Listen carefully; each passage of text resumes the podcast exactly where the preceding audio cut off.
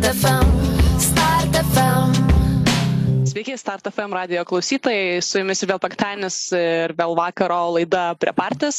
Šiandien mes kalbėsime su jaunos bangos dviem atstoviam, na, galima sakyti trim, nes tarp jų ir aš, ar ne. Kalbėsime apie nar švietimą, narkotikų tema įvairiose šalyse ir palyginsime tų kitų šalių praktikas su Lietuva. O dar jeigu konkrečiau šnekant, tai aptarsime Let's Talk About Drugs ataskaitą, uh, prie kurios rašymo prisidėjo ir jauna banga. Tai noriu pristatyti šio vakaro viešnės uh, mano kolegės, tai yra Milda ir Eliza, tai sveikos. Labas. Labas. Čia karantino sąlygom per Zoomą bandom išeskaluoti ir įsijausti, kad esame radio eteryje. Manau, mums puikiai sekėsi kol kas. Tai norėčiau tuomet galbūt priminti klausytojam arba tie, kurie klausosi mūsų prie pačio laidos pirmąjį sykį, gal galėtumėt tuomet papasakoti šiek tiek apie save, tai galim pradėti nuo Mildos, kuom tu esi susijusi su jauna banga, ką tu joje veiki, galbūt ką veiki po darbo ir šiek tiek apie save prieš istorijas. Taip, tai esu jauna banga vadovė ir e, taip pat ir viena iš steigėjų. E, kas nežino, jeigu naujų klausytojų yra, tai 17 metų pabaigoje įsikūrėme, tai veikiame jau 3 metus. Mūsų veikla tai yra žalos mažinimas, edukacija narkotikų klausimais. Pagrindiniai tokie dalykai. Supratau. Na, o Eliza, tuomet irgi primink mūsų klausytojams apie save šiek tiek ir kom tu galbūt susijusi su jauna banga ir kokiose kitose organizacijose tu dirbi. Jo, tai aš irgi savanoriauju jaunoji bangoje iš esmės nuo 2000, man atrodo, prisijungiau 2017 metais. Um, ir iš esmės, man atrodo, mano rolė labiau šiuo metu jaunoje bangoje yra kaip mentorė, padedu uh, mūsų visai savanorių komandai visokiais klausimais, advokaciniais, narkotikų politikos žalos mažinimo. Uh, o šiaip dirbu regioniniai organizacijoje Eurazijos žalos mažinimo asociacija, taip pat vykdau kelis projektus projektus tarptautinė jaunimo organizacija YouFries.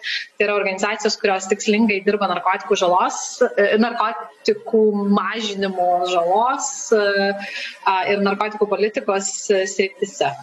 Ir šita organizacija, jinai šiaip yra kaip ir Eurazijos šalių, vienai įsikūrusi, ne, savo atstovybę turi būtent Lietuvoje, ar yra ir kitose šalyse taip pat? Ar... Ja, mes Jo, mūsų būstinė yra čia Lietuvoje, tai dėl to aš irgi dirbu kaip ir Lietuvoje. Mūsų sekretariatas čia įsikūręs, bet mes dirbam 29 šalise mūsų regiono. Na, o UFRAIS tai yra tarptautinė organizacija, tai iš esmės mes dirbam visame pasaulyje. Supratau. Gerai, tai kadangi šiandien aptarinėjame mes būtent švietimą apie narkotinės medžiagas ir žadėjome klausytojams kad pakalbėsime konkrečiai apie Let's Talk About Drugs projektą, ar ne, apie tą paruoštą ataskaitą. Tai galbūt galima būtų išgirsti kažkokios priešistorės apie tą Let's Talk About Drugs projektą, e, galbūt kuom jūs esate prisidėję, kokią rolę atlikote, e, nežinau, ar nuo savo organizacijos, ar nuo jaunos bangos organizacijos vardu, tai galbūt šiek tiek tos informacijos, kad supažindinti klausytoją. Jo, tai gal aš netgi galiu pradėti, gal Milda irgi turės kažką pakomentuoti. Tai iš esmės, man atrodo, kad 2019 metais mums kilo ta pirma tokia idėja, kad Kodėl mes iš viso nevykdome jokių projektų, čia būtent Eurazijos žalos mažinimo asociacija, kur aš dirbu, kodėl mes iš viso nevykdome jokių projektų, kurie yra susijęs su jaunimu ir skirti jauniems žmonėms, kad kalbėtis apie psichoaktyvesias medžiagas, jų vartojimą, apie riziką susijusius su tuo. Ir iš viso mes kažkaip, kai pradėjom diskutuoti su kolegomis, tai uh, galvojom, o tai bendrai kokia situacija mūsų regione arba kitose šalise, kai kalbam apie narkotikų švietimą ir kaip, pavyzdžiui, tai vyksta mokyklose, kaip tai vyksta neformaliuose įstaigose, tai pavyzdžiui, visokiose jaunimo centruose, jaunimo organizacijose. Na ir iš tiesų tada ir kilo tikriausiai ta pirma idėja, kad o fainai būtų parašyti kažkokį projektą. Tai a, mums buvo žinomas a, vienas toks, pavadinkim, kaip ir fondas galimybė, kur galime aplikuoti. Tai yra a, Europos komisijos programa, kuri vadinasi Erasmus tai būtent mes parašėme savo kaip ir projektą, pritraukėme nacionalinius partnerius, apie kuriuos tikriausiai vėliau truputėlį irgi pakalbėsim. Na ir a, padavėm tą paraišką į jaunimo tarptautinę bendradarbiavimo agentūrą, kuri yra Lietuvoje, tai a, būtent JTBA, jie yra kaip ir nacionalinė agentūra, kuri atstovauja um, Lietuvą Europos komisijoje, kai atrenka projektus, čia vat, būtent tuos projektus, kurie paduodami, pateikiami Lietuvoje. Vat, ir, jo, ir iš esmės tada mūsų vieną kartą projektas nebuvo atrinktas, mes gavom labai gerų komentarų, na ir paskui padavėm sekantį kartą jau su papildytais komentarais, tokį updatintą kaip ir tą proposal. Ir tada gavom patvirtinimą ir vat, nuo šių metų, 2020 metų vasario mėnesio, pradėjome jau įgyvendinti mm, kaip ir tą visą projektą. A, tai pavyzdžiui, kalbant apie tokį, jeigu labai apibendrintą tikslą viso projekto, tai jo tikslas yra m, palaikyti jaunimo darbuotojus, lygus lygiam konsultantus, outreach ir gatvėje su jaunimu dirbančius e, darbuotojus, žalos mažinimo specialistus, kurie dirba būtent su jaunais žmonėmis, apie inovatyvius metodus bei atnaujinti, nežinau, atšviežinti jų požiūrį į švietimą narkotikų tema, kaip iš viso reikia kurti dialogą su jaunais žmonėmis, kaip kalbėti narkotikų tema, kad ta informacija būtų tiek ir priimama iš jaunimo pusės, tiek ir jie norėtų drąsiai ir galėtų uh, kalbėti šią temą. Tai šalis, kurios buvo įtrauktos į šį projektą - Lietuva, Lenkija, Vengrija, Serbija ir Bulgarija, o organizacijos iš viso yra aštuonios. Tai penkios šalis ir aštuonios uh, organizacijos. Ir konkrečiai iš tų aštuonių organizacijų, tai iš Lietuvos atstovavo viena komanda organizacija ar skaitosi kaip kelios? Jo, tai pas mus yra toks pasiskirstimas, kad uh, Lietuvoje iš esmės nacionaliniu lygmeniu visas veiklas vykdo jauna banga, tai yra nacionaliniai partneriai. Uh, Eurazijos žalos mažymo asociacija, kurioje aš dirbu, uh, tai mes esame labiau tokia kaip ir regioninė organizacija, tai mes esame tokie kaip ir regioniniai labiau partneriai. Yra Lenkija organizacija, JODA vadinasi, Youth Organizations for Drug Action. Uh, tai jie irgi tokia kaip regioninė jaunimo organizacija. Na ir dar viena tokia kaip ir regioninė, galima pasakyti, organizacija, kuri yra Vengrijoje, tai yra Rights Reporter Foundation, nes jie dirba būtent su viešinimu įvairių temų susijusių su narkotikų klausimais visame pasaulyje. Jie kuria video, įvairius filmus ir edukuoja visuomenę apie tai. Na ir, kita, ir kitos jau partnerės organizacijos, jos yra jau tos jaunimo organizacijos arba žalos mažinimo organizacijos dirbančios su jaunais žmonėmis. Supratau, tai tuomet e, toliau prieš gilintis į projektą, gal irgi e, šiam laikam aktualią temą noriu paklausti, kadangi projektas buvo pradėtas vykdyti šių metų vasario mėnesį, ar ne, prieš įsigaliojant tam karantino ne Lietuvoje, ar buvo kažkokių planų tam projekte, kurie konkrečiai dėl esamų sąlygų atsišaukė ir galbūt kitaip jis turėjo būti vykdomas tas projektas, tai kaip jūs susidorojate su šitais iššūkiais? Jo, čia man atrodo toks dabar populiarus visą laiką klausimas ir visos organizacijos ir įmonės ir įstaigos tikriausiai turi ką pasakyti, pasisakyti šio klausimu. Tai jeigu taip žiūrint pagal visą mūsų planavimą, e, tai iš esmės beveik nieko tokio labai rimto kaip ir neatsišaukė, nepasikeitė, viskam radom alternatyvas ir sugalvojom, kaip ką padaryti. Bet um, iš esmės pagal viską jau turėjom dabar vat, uh, būt sukūrę pirmą dalį savo um, tokio manual on drug education, uh, pravesti pirmą mokymų dalį, iš viso yra trys mokymų dalys trijose šalise. Uh, na, tai tokia, vat, tai praleidome tokį mažą gabaliuką, tačiau jokių, kaip sakant, problemų nespre, ne, neišsprendžiamų nėra, todėl perkeliam tiesiog į kitus metus tas veiklas ir tikimės, kad pasidarysim tai kitais metais. Taip pozityviai tikimės, kad tas COVID greitai paveiks.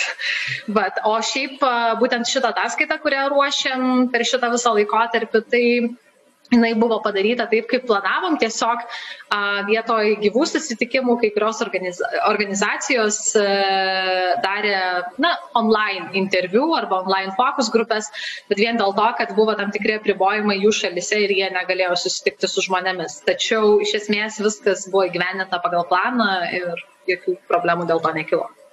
Na, smagu girdėti, kad šios sąlygos nesutrukdė vykdymui viso projekto ir kad jis sėkmingai įvyko ir mes turime prieš akis, ne mūsų tą ataskaitą, tai žmonės taip pat tą ataskaitą, jeigu norite turėti prieš akis ir, nežinau, sekti ją mūsų pokalbio metu, ją galėsite rasti youngwave.net puslapyje prie publikacijų jinai yra paskelbta ir taip pat Ehros puslapyje. Ir matau, Eliza nori mane papildyti, ar ne?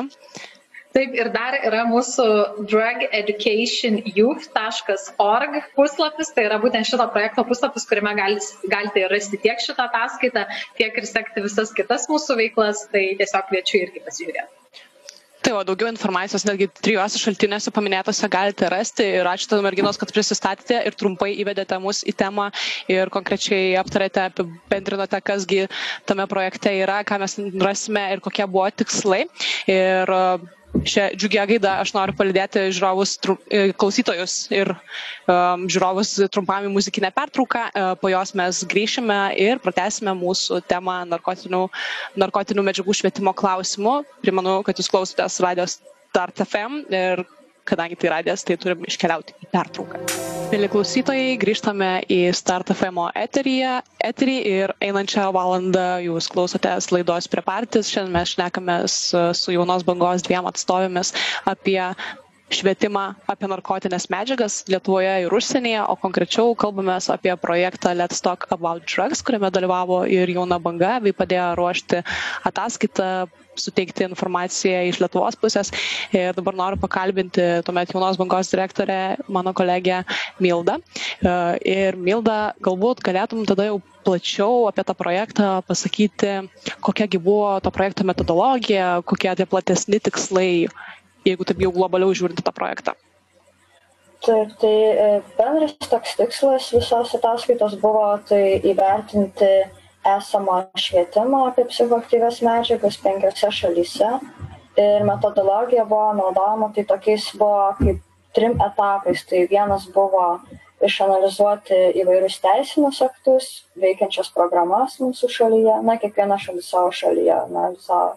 Taip pat e, buvo sukurtas online klausimynas jaunimui, kur būtent galėjo pildyti iš savo patirties, ten, e, kokį švietimą turėjo, ten kokie metodai buvo naudoti, ar ten jautėsi, kad atvirai gali dalintis patirtim paskaitų metu, tai irgi dalyvavo šitoj apklausoje 200 dalyvių. Ir buvo dar viena dalis, tai interviu su skirtingom fokus grupėm. Tai buvo viena grupė jaunimo darbuotojai, kurie nedirba e, srityje susijusiose, susijusioje su narkotikais ir narkotikų prevencija ir žalos mažinimu. Kiti tai yra jaunimo darbuotojai, kurie būtent dirba šitoje srityje. Ir trečia grupė buvo tai tiesiog e, žmonės, galintys pasidalinti savo patirtim jauna, kaip ir buvo klausimynas, tik dabar jau interviu toks asmeniškesnis labiau ir dar buvo keli interviu su skirtingais ekspertais, tai tiek buvo ir iš politikos žmonių klausinėta, tiek ir iš medicinos pusės. Tai iš tikrųjų tokia metodologija ir negaliu pasakyti, kad rezultatai mane labai nustebino, nes iš tikrųjų tikėtasi to buvo. Tai O ar noriai, ar noriai jauni žmonės dalyvavo apklausoje, kaip tu minėjai, kad apklausoje taip pat buvo klausimų, ar jie nebijo dalintis ar ne savo patirtimi, ar nejaučia greičiausiai tos stigmos, ar ne kažkokios iš aplinkinių, kad jie galėtų plačiau pasisako, pasisakyti. Tai ar sunku, sudėtinga buvo pritraukti žmonių, kad uh, jie atsakytų tas klausimus ir kad galima iš to būtų išpešti kažkokių rezultatų? E, būtent su jaunais žmonėm tai ne, nebuvo sunku, nes na, kaip ir mes dirbame su jais, tai kažkaip vis tiek ten yra anonimiškumas užtikrinamas, tai kažkaip mumis ir pasitikė ir manau, kad ir supranta tą svarbą statistikos ir naudą tokio tyrimo. Sunkiausia tai buvo surinkti uh, tos žmonės, kurie būtent dirba uh, srityje susijusioje su prevencija ir žalos mažinimu, nes, na, greičiausiai dėl, kad viena priežastis tai Lietuvoje nėra daug tokių organizacijų ir darbuotojų. Kita yra šiaip, kai kurie tiesiog e, neatrašė, neatsakė, kai kurie gal irgi bijo, tabų, nenori dalintis, tai, na, su šita grupė buvo didžiausias sunkumas prisišaukti juos.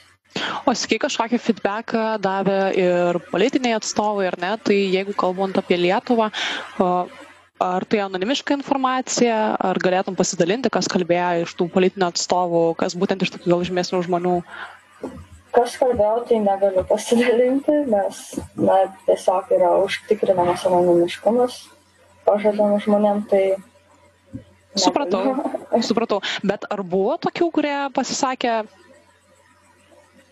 E, na, buvo, taip, aš specialiai ieškojau, kad būtų iš e, skirtingų kategorijų ekspertai. Mhm. Supratau. Na, bent jau tas džiugu girdėti, ar ne, kad vis dėlto prisidėjo ne tik tais pas jaunimas, ne žmonės, bet ir uh, kažkokie kiti atstovai, ne iš, nežinau, sakykim, žymesnių žmonių, ne, kurie atstovauja mus ar, ar valdžioje ir panašiai. Uh, tuomet perinant uh, prie kitų klausimų, uh, galbūt gali papasakoti, tai kokiegi tie švietimo apie narkotinės medžiagas būdai buvo, nežinau, populiariausi, ne, na, populiariausi, tai aš sakau, kad nebūtinai ten gerąją prasme, ar ne, bet apskritai kokios tos tendencijos buvo išvelgiamos lyginant Lietuvą ir kitas šalis.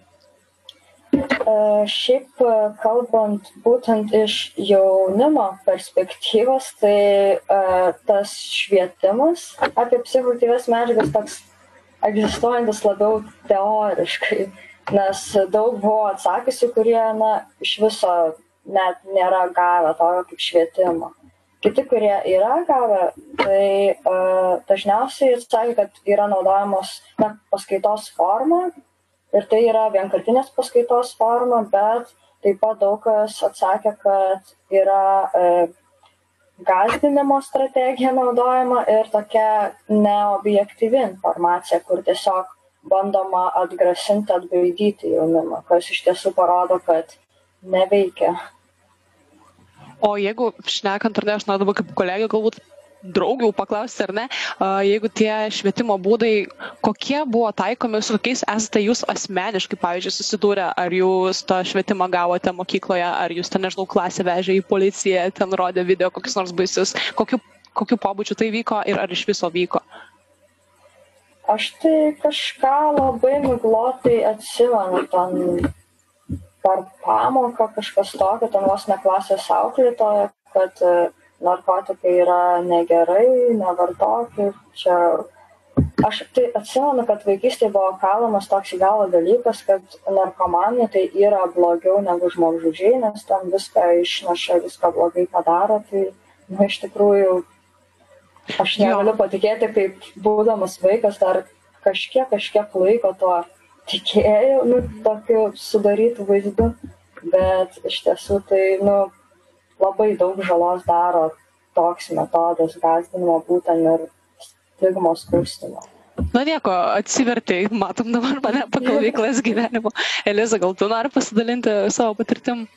Aš tai atsimenu, kad mokykloje šiaip nieko niekas nešnekėjo šitą temą, bent jau neatsimenu jokios ten teorinės medžiagos ar dar kažko, tikrai niekas nebuvo atvykęs į mokyklą, kad ten policininkai ar dar kas nors, tai irgi neatsimenu, bet atsimenu meninės veiklas, tai dailės pamoka, nupiešk paveiksliuką narkotikams, ne. Tai šitą labai gerai atsimenu, gal kokius 3-4 metus iš eilės nešiau tą patį paveiksliuką kasmet, tai, tai, va, tai tokią meninę veiklą užsiemiau tikrai. Na, iš tikrųjų, jo, dabar šiandieniniam kontekste, turint omeny, kad jau nebe vaikai ar nebe, nebe, nebe mokiniai, tai skamba taip apverktinai graudžiai ir tuo pačiu jokingai. Tai... Bet jeigu nuoširdžiai, žinai, tai aš netgi nupieždama tos paveiksliukus, tai nu, nelabai suprasdavau nei pačios temos, nei nieko. Tarsi, aš dabar, kai nu, pagalvoju, ne, tarsi, aš grinai nueidavau į Google, suvesdavau ten narkotikai, ne nes nu tokia tema būdavo ir tiesiog ką matau Google'ai, tai tą perpiešiu arba nusikopijuoju dažniausiai ir nešu kaip paveiksliuką, bet niekas nepaaiškindavo nieko, tai man atrodo, čia irgi labai svarbu pažymėti, kad nu kokio lygio buvo ta edukacija pas mus. Mhm. Na, aš savo kiek atsimenu, tai tikrai žinau, kad pradinėse klasėse, pamenu, mus vežė visą klasę į policijos ten kažkokį departamentą, nežinau, kokia tai vieta buvo, bet kažkur netoli gerosios vilties, jeigu aš gerai pamenu. Ir jo, mums tada tiesiog rodė video įvairius, ten gazinamojo pobūdžio, ten pasakojo apie pasiekmes galimas, tuom užsiemant rodė paveiksliukus, kur dabar aš žinau, kad ten buvo tiesiog maišai ekstazi ir klasiokai pradėjo labai juoktis, tai sako, tai iš tos paveikslėlius uždengiam, nes čia mislydink informaciją, vaikai pagalvos, kad čia yra saldainiai. Tai žodžiu. Ir tada jau vyresnėse klasėse, gimnazijoje buvo irgi padaryta tokia vienkartinė paskaita per biologiją, kur jo mums tiesiog parodė, kaip, kaip veikia priklausomybė, tai tiesiog tokia grafa, e, kaip pavartoja pirmas iki, kaip šauna į viršų viskas, tada vis e, ta grafa mažėja ir tuo pačiu tas blogiau pasijutimas vis irgi į apačią, nu, žodžiu, tokia parabolė vis mažėjanti. Tai va taip buvo viskas paaiškinta. Na ir aišku, švietimas iš tėvų, kad uh, visi narkomanai yra vagiai ir čia reikia laikytis nuo jų toliau. Tai gerai, kad bent jau uh, kitokia kaip asmenybė išaugau ir pati save iš to išsiauklėjau, iš tokio požiūrio. Tai galim grįžti bet prie projekto, aptarėm, kokias patirtis turėjome su švietimu apie narkotikus ar ne savo gyvenime. Uh, tai kokių rezultatų buvo prieita projekto Let's Talk About Drugs metu? Čia būtent Lietuvoje. Uh, taip, gali Lietuvoje papasakoti, gali palyginti su užsienio šalim kaip patogiau. Taip, tai iš tiesų, ko ne pusė atsakė apie tą na, švietimo nebuvimą, tiesiog, kad ne, nebuvo tokio. E, taip, dauguma dalyvavusių tai buvo e, būtent 19-24 metų, taip pat 25-30 panašiai procentai, o jaunesni ir mažesnė kur kas dalis. E, taip, tai dažniausiai naudojami metodai e, paskaitos arba filmo peržiūros.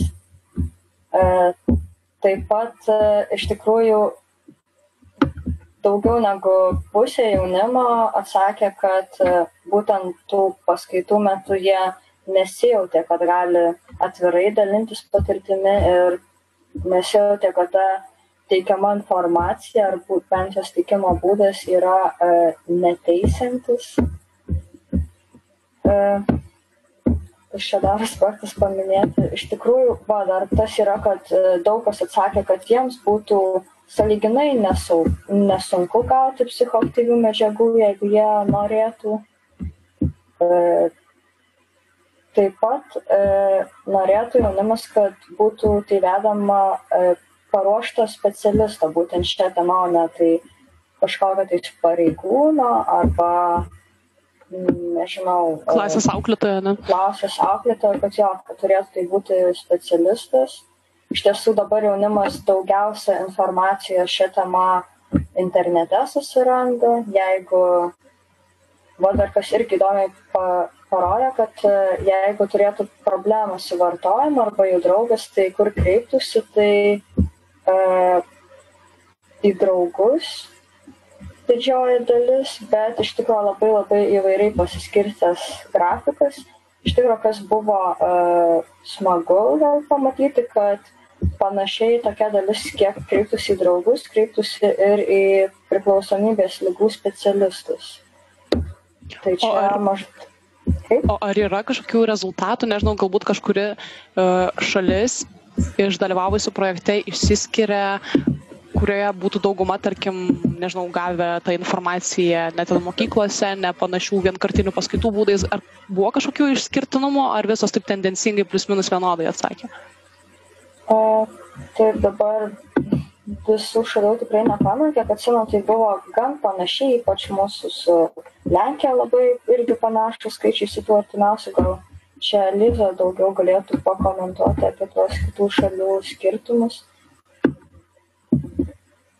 Mhm. Tai Eliza, kokiegi tie skirtumai buvo tarp šalių, ar kažkokios tendencijos buvo pastebėtos e, tarp to švietimo būdų? Jo, tai Milda iš esmės teisingai paminėjo, kad nu, labai didelių kažkokių tais kardinalių skirtumų nėra, bet yra kažkokie visą laiką minimalus. Pavyzdžiui, pas mus vienas iš klausimų buvo, kuriuose, mm, kokiuose įstaigose, kur iš viso gaunate, reiškia, tą švietimą narkotikų tema. Tai daugiausiai žmonių, aišku, pažymėjo, kad mokykloje gauna ir visose šalise labai tendencingai lygiai tokie patys tie rezultatai. Bulgarijoje daugiau jaunų žmonių gauna jaunimo organizacijose palyginus su kitomis e, šalimis. Na ir noriu priminti, kad projektas buvo kaip tik irgi pasižiūrėti, kiek tas švietimas narkotikų tema vyksta, um, vyksta būtent jaunimo organizacijose, kiek jaunimo darbuotojai edukuoja jaunus žmonės, kurie ateina pas juos. Tai vad Bulgarijoje matosi, kad tikriausiai daugiau, Lietuvoje, Vengrijoje, Lenkijoje iš viso labai maži skaičiai, atrodo, kad ten neegzistuoja toksai dalykas. E, na ir iš tiesų Milda labai gerai minėjo, labai didelis skirtumas matosi tarp būtent tame klausime, kuris yra apie E, ar iš viso gavote kažkokią tai švietimą narkotikų tema, bet kokioje įstaigoje, tai Lietuva su Bulgarija pirmauja, apie virš 50 procentų respondentų atsakė, kad ne, nesam gavę visiškai jokio švietimo. Tada Lenkija yra, na ir Vengrija su Serbija e, apie 20-15 procentų tik tais respondentų atsakė, kad nėra gavę jokio švietimo. Tai va čia irgi toks matosi galbūt didesnis šuolis ir skirtumas tarp šalių, kad Vengrijoje, Serbijoje daugiau to švietimo, Bulgarijoje, Lietuvoje, Lenkijoje mažiau jo, Bet čia irgi klausimas, e, o ką žmonės laiko švietimu, kas yra švietimas, ne? tai čia, man atrodo, bus gal sekantis klausimas. Aš tai irgi galvoju, kaip galima tos duomenys interpretuoti, nes, tarkim, galbūt žmonės atsakė taip masyviai, kad jie negavo jokio švietimo, nes jie tiesiog nepriemė to kaip švietimo. Galbūt aš irgi galvočiau iš asmeninės pusės, kaip aš interpretuočiau tą vieną paskaitą, man sutikta, aš interpretuočiau tai kaip švietimą, aš kad čia mane informavo jau apie narkotinės medžiagas, kad aš jaučiu viską, prasme, čia jau tikriausiai toksai principinis reikalas, kaip žmogus pats žiūri į tai, kaip jis interpretuos tą informaciją, ar ne? Jo, bet e, š, kuomet mes kaip ir pateikėm tą visą, reiškia, klausimyną, mes būtent pateikėm ir klausimus, kurie, nu, kuriuose ir aprašom, ką mes laikom šitame tyrimė švietimu, kas gali būti laikoma švietimu. Ir jau aišku, tada žmogus pats irgi iš savo asmeninės patirties tikriausiai sprendžia, bet mes kaip ir duodam pavyzdžius. Tai iš esmės mes manom, kad, na, turėtų lyg ir viskas ganėtinai tiksliai būti. Dar vienas labai įdomus dalykas dalykas, mes klausom, kas, kas kaip čia, kas organizuoja tą švietimą, kas iš viso veda tas, pavyzdžiui, paskaitas, ar ten seminarus, ar workshopus ir taip toliau. Tai Vengrijoje ir Lenkijoje virš 50 procentų respondentų atsakė, kad tai yra policijos pareigūnai ir labai dažnai netgi su šunimis. Tai reiškia, kad į mokyklą atvedamas E, policijos pareigūnas su šunimi, kuris irgi kartais tikrina vaikų kuprines, e, uosto, ar ten nėra jokių psichoaktyviųjų medžiagų. Lietuvoje tuo tarpu 36 procentai, beveik 37 procentai respondentų yra atsakę, kad e, mokykloje irgi dalyvavo būtent policijos pareigūnas. Tai kalbant apie Lietuvą, tai tikriausiai reikia paminėti, kad dabar pasikeitus jau tai visai sistemai, labai dažnai yra kviečiami bendruomenių policijos pareigūnai, būtent bendruomeniniai. Bet irgi teko turėti vieną kartą tokią diskusiją su bendruomenės pareigūne, ir sako, na, mes dažniausiai pateikiam informaciją, kuri yra susijusi būtent su teisės aktų pažeidimais. Tai reiškia, kad policijos pareigūnai, na, jie nesimoko ir, ne, ne, kaip čia sakant, na, kažkokios naujos informacijos apie narkotikų žalą, kaip ten vartoti ar nevartoti, ar dar kažkas jie nesako. Jie gali tik savo kompetencijoje papasakoti iš esmės tai, ką jie išmano geriausiai. Na, o jie geriausiai išmano, aišku, teisės aktus ir ko reikia laikytis. Tai kaip ir dėl to irgi toks matosi truputėlį truputėlį galbūt, nu, kaip ir gepsas Lietuvoje, kad, na, jeigu ir kviečiam policijos pareigūnus, kas nėra iš tiesų kaip ir blogai, bet e, iš esmės tuomet vaikams suteikiama labai neobjektyvi informacija, tiesiog prigazdinama, kad, na, tokie teisės aktai jeigu nesilaikysit bus blogai, bet daugiau nieko ir nepasakoma, o kaip, e, nežinau, kaip prižiūrėti savo sveikatą, kaip padėti žmogui, jeigu jis perdozavo, kur draugą nukreipti, jeigu tu matai, kad tavo draugas pradėjo vartoti, kaip pačiam savo galų gale pasigelbėti. Ne? Na taip, tai aš manau, kad ties šio klausimu bus galima po truputį perėti tada prie rekomendacijų, kaip mes galime daryti tai geriau ar ne e, konkrečiai Lietuvoje, kaip galima tą improvinti ir užsienyje, e, bet prieš tai tuomet e, norėčiau tokį interpą padaryti, priminti mūsų klausytam, kad klausotės radio Start FM, tai yra Vilniaus universiteto studentų radijas ir kiekvienas e, radio laidų vedėjas savo darbą atlieka savanoriškai, laidas paruošia, stengiasi surinkti informaciją, prisikviesti pašnekovus, e, pateikti jums kuo daugiau geros informacijos, e, edukacijos arba pagroti tiesiog labai geros muzikos. Tai mes tikrai džiaugiamės, kad jūs mūsų klausotės, o jeigu jūs džiaugiatės klausydamėsi mūsų, tai mes norime paskatinti jūs paremti mūsų Patreonę. Ten galite surasti Start FM 94,2, paskirti kažkiek pinigų kas mėnesį, kad tos laidos toliau tęstųsi, kad galima būtų nupirkti kažkokių techninių priemonių, kad tos radio laidos vyktų dar geriau, kad įrašai būtų dar geresni ir panašiai. Ir aišku, jeigu norite žinoti visas naujienas apie StartFM būsimas laidas, e, tai galite pasiekti StartFM Instagrame, mes ten pastoviai keliame storius ir informuojame apie ką bus laidos, ten žiūro, žiūro, žiūrovai, norėjau sakyti, vedėjai laidų paskelbė visai, apie ką bus kalbama ir įdedamos yra story. Tai dėkui jums tiems, kurie jau prisijungia prie mūsų paramos. Dabar jums palidėsiu į Petruką, jūs klausotės laidos prie partys ir mes netrukus grįšime. Sveiki, mėly klausytojai, kurie tik dabar įsijungėte, pavyzdžiui, Start FM radiją. Aš Laima sveikinu su jumis, kurie ką tik joinino mus ir tęsime toliau mūsų temą. Tai noriu priminti, kad jūs klausotės radio Start FM ir dabar vyksta laida prie partys ir dar atimiausias 20 minučių mes kalbėsime apie švietimą e, narkotinių medžiagų klausimų. E, tai yra, koks gytas švietimas yra užsienį ir Lietuvoje. Prieš pertrauką jau apkalbėjome, kokios gytos patirtis ir praktikos yra taikomos temos Lietuvoje, pasidalinome ir savo asmeniniam išvalgom, ir um, projekto Let's Talk About Drugs detalėmis. Ir tęsiant mūsų temą, e, tai tokią priešistorę galbūt pasakysiu, kad buvo vykdomas ar ne Europoje tyrimas, e, kurio trumpinys yra ESPA, tai jeigu plečiantis vadinasi alkoholio ir kitų narkotikų tyrimo Europos mokyklose projektas, kuriame dalyvavo kaip Europos šalis ir Lietuva, ar ne. Tai manau, Eliza, tu gal plačiau gali papasakoti apie tą projektą, e, kaip Lietuva prie to prisidėjo, kokias tendencijas galbūt galima išvelgti to projekto ataskaitoje? Jo, tai šitas tyrimas, jis iš esmės, jeigu neklystu, yra vykdomas nuo 95 metų, kas gal keturis metus. Man atrodo, paskutinis tyrimas Lietuvoje buvo 2015 vykdomas. Ir jau pats, pats paskutinis, kurio vat, rezultatus šiandien truputėlį ir noriu, kurio rezultatais noriu pasidalinti, tai jau buvo vykdomas 2019 metais ir šiais metais jau išėjo ataskaita.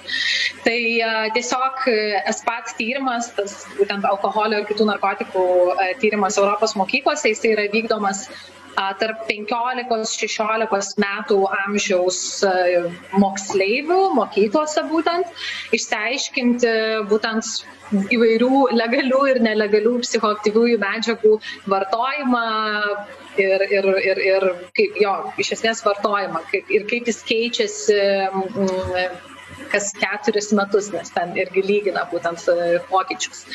Tai e, paskutinis šitas tyrimas labai iš esmės e, buvo įdomus dėl to, kad tikrai yra tam tikrų įdomių vat, dalykų, kur, kurie net nėra susiję iš esmės su nelegaliom medžiagom. Jeigu kalbam apie tas na, nelegalias medžiagas, ne, tai um, ten didelio pokyčio iš esmės nėra, ganėtinai stabilus. Um, stabiliai yra tas varto, kaip čia vartojimas moksleivių tarpe vyksta ir nesikeičia, tai ir kanapės, ir amfetaminai, MDMA, ekstazis ir visa kita. Moksleiviai, kaip sakant, žino, kas tai yra ir netgi daugelis moksleivių sako, kad, na, nedaugelis, bet yra dalis moksleivių, kurie sako, ganėtinai lengva gauti, ten iki 10 berots procentų. Uh, Bet labai įdomus yra rezultatai, kai kalbam apie legales medžiagas, nes e, su jomis yra daug daugiau problemų negu su nelegaliomis medžiagomis. Tai pavyzdžiui, um, netgi 33 procentai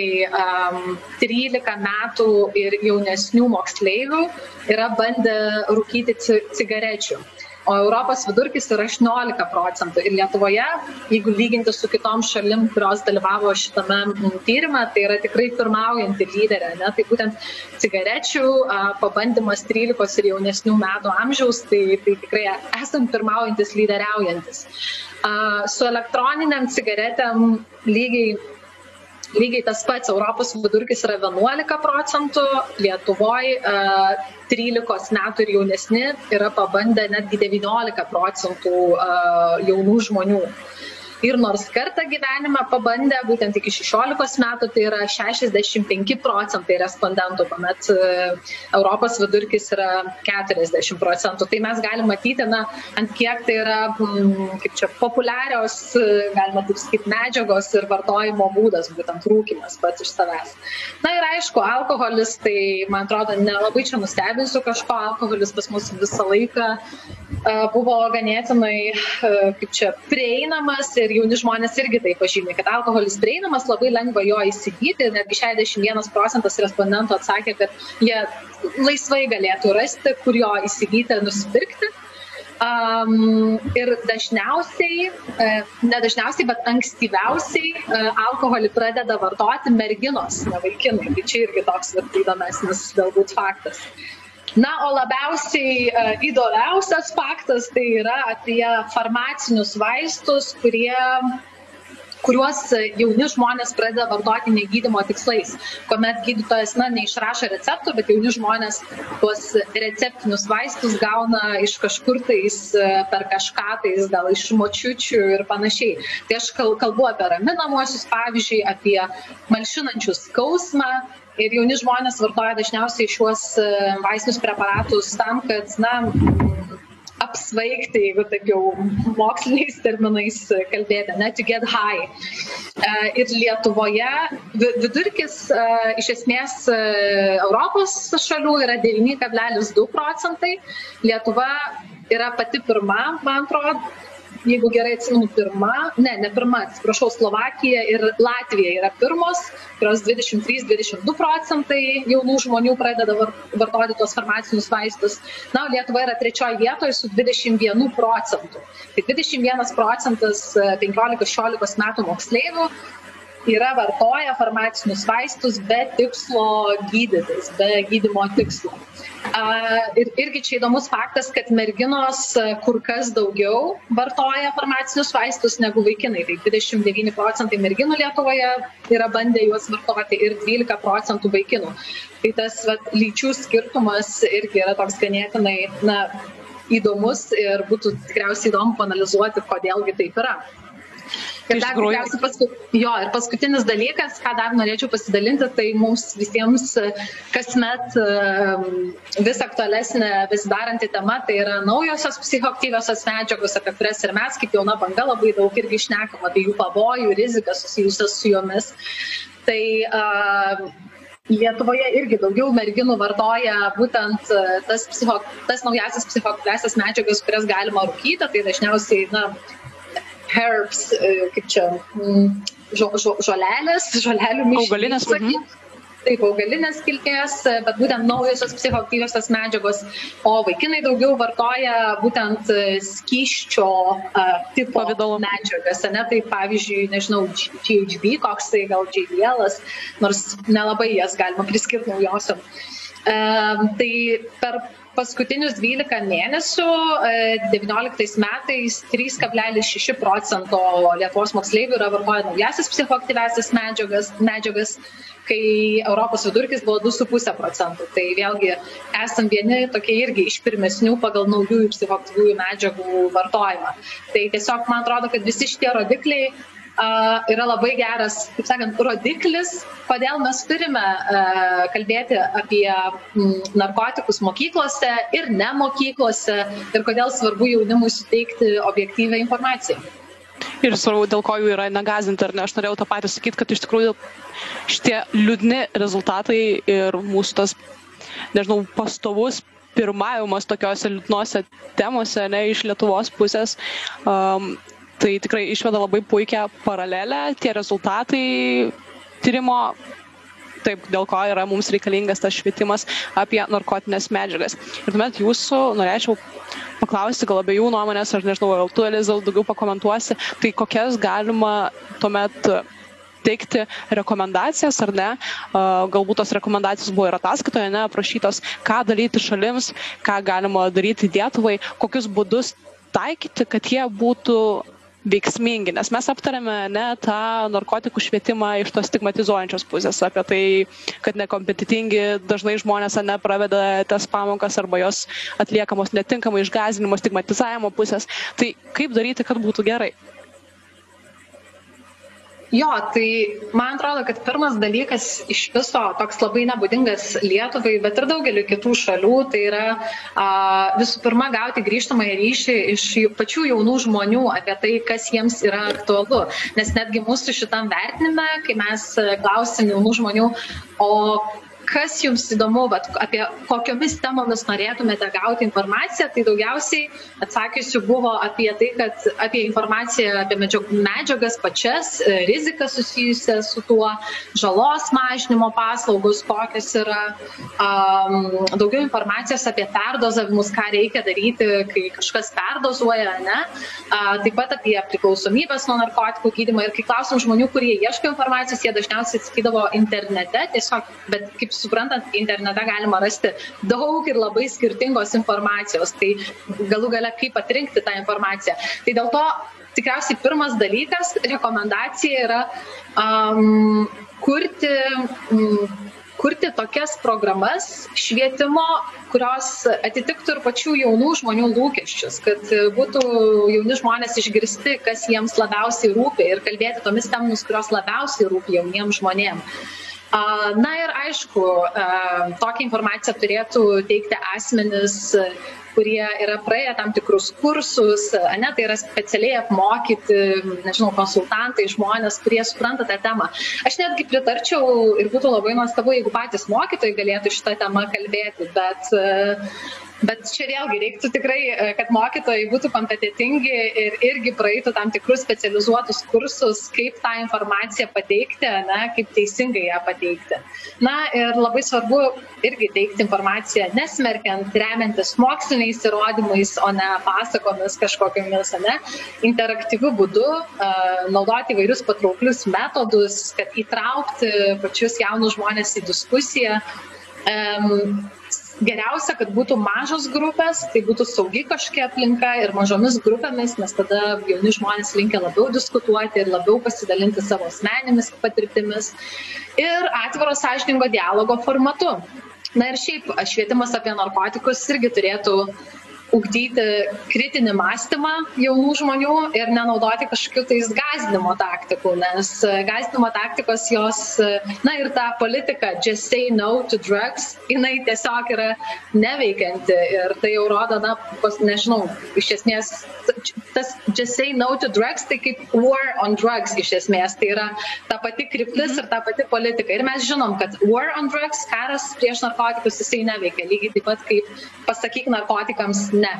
Tai a, svarbiausia yra ugdyti kritinį mąstymą jaunų žmonių nes mes jau galime matyti kad mūsų būdai yra netinkami tai atrodo ne tik ar ne visokie tyrimų rezultatai kuriuos tarkim kai kurie nežinau seimo atstovai ne net nenori žiūrėt ir jie vadovaujasi kažkokiais o nežinau vidiniais pamąstymais ir įžvalgomis nesiremdami kažkokiais moksliniais tyrimais automatiškai asmeniškai iš savęs atmetinėdami tą informaciją ar ne.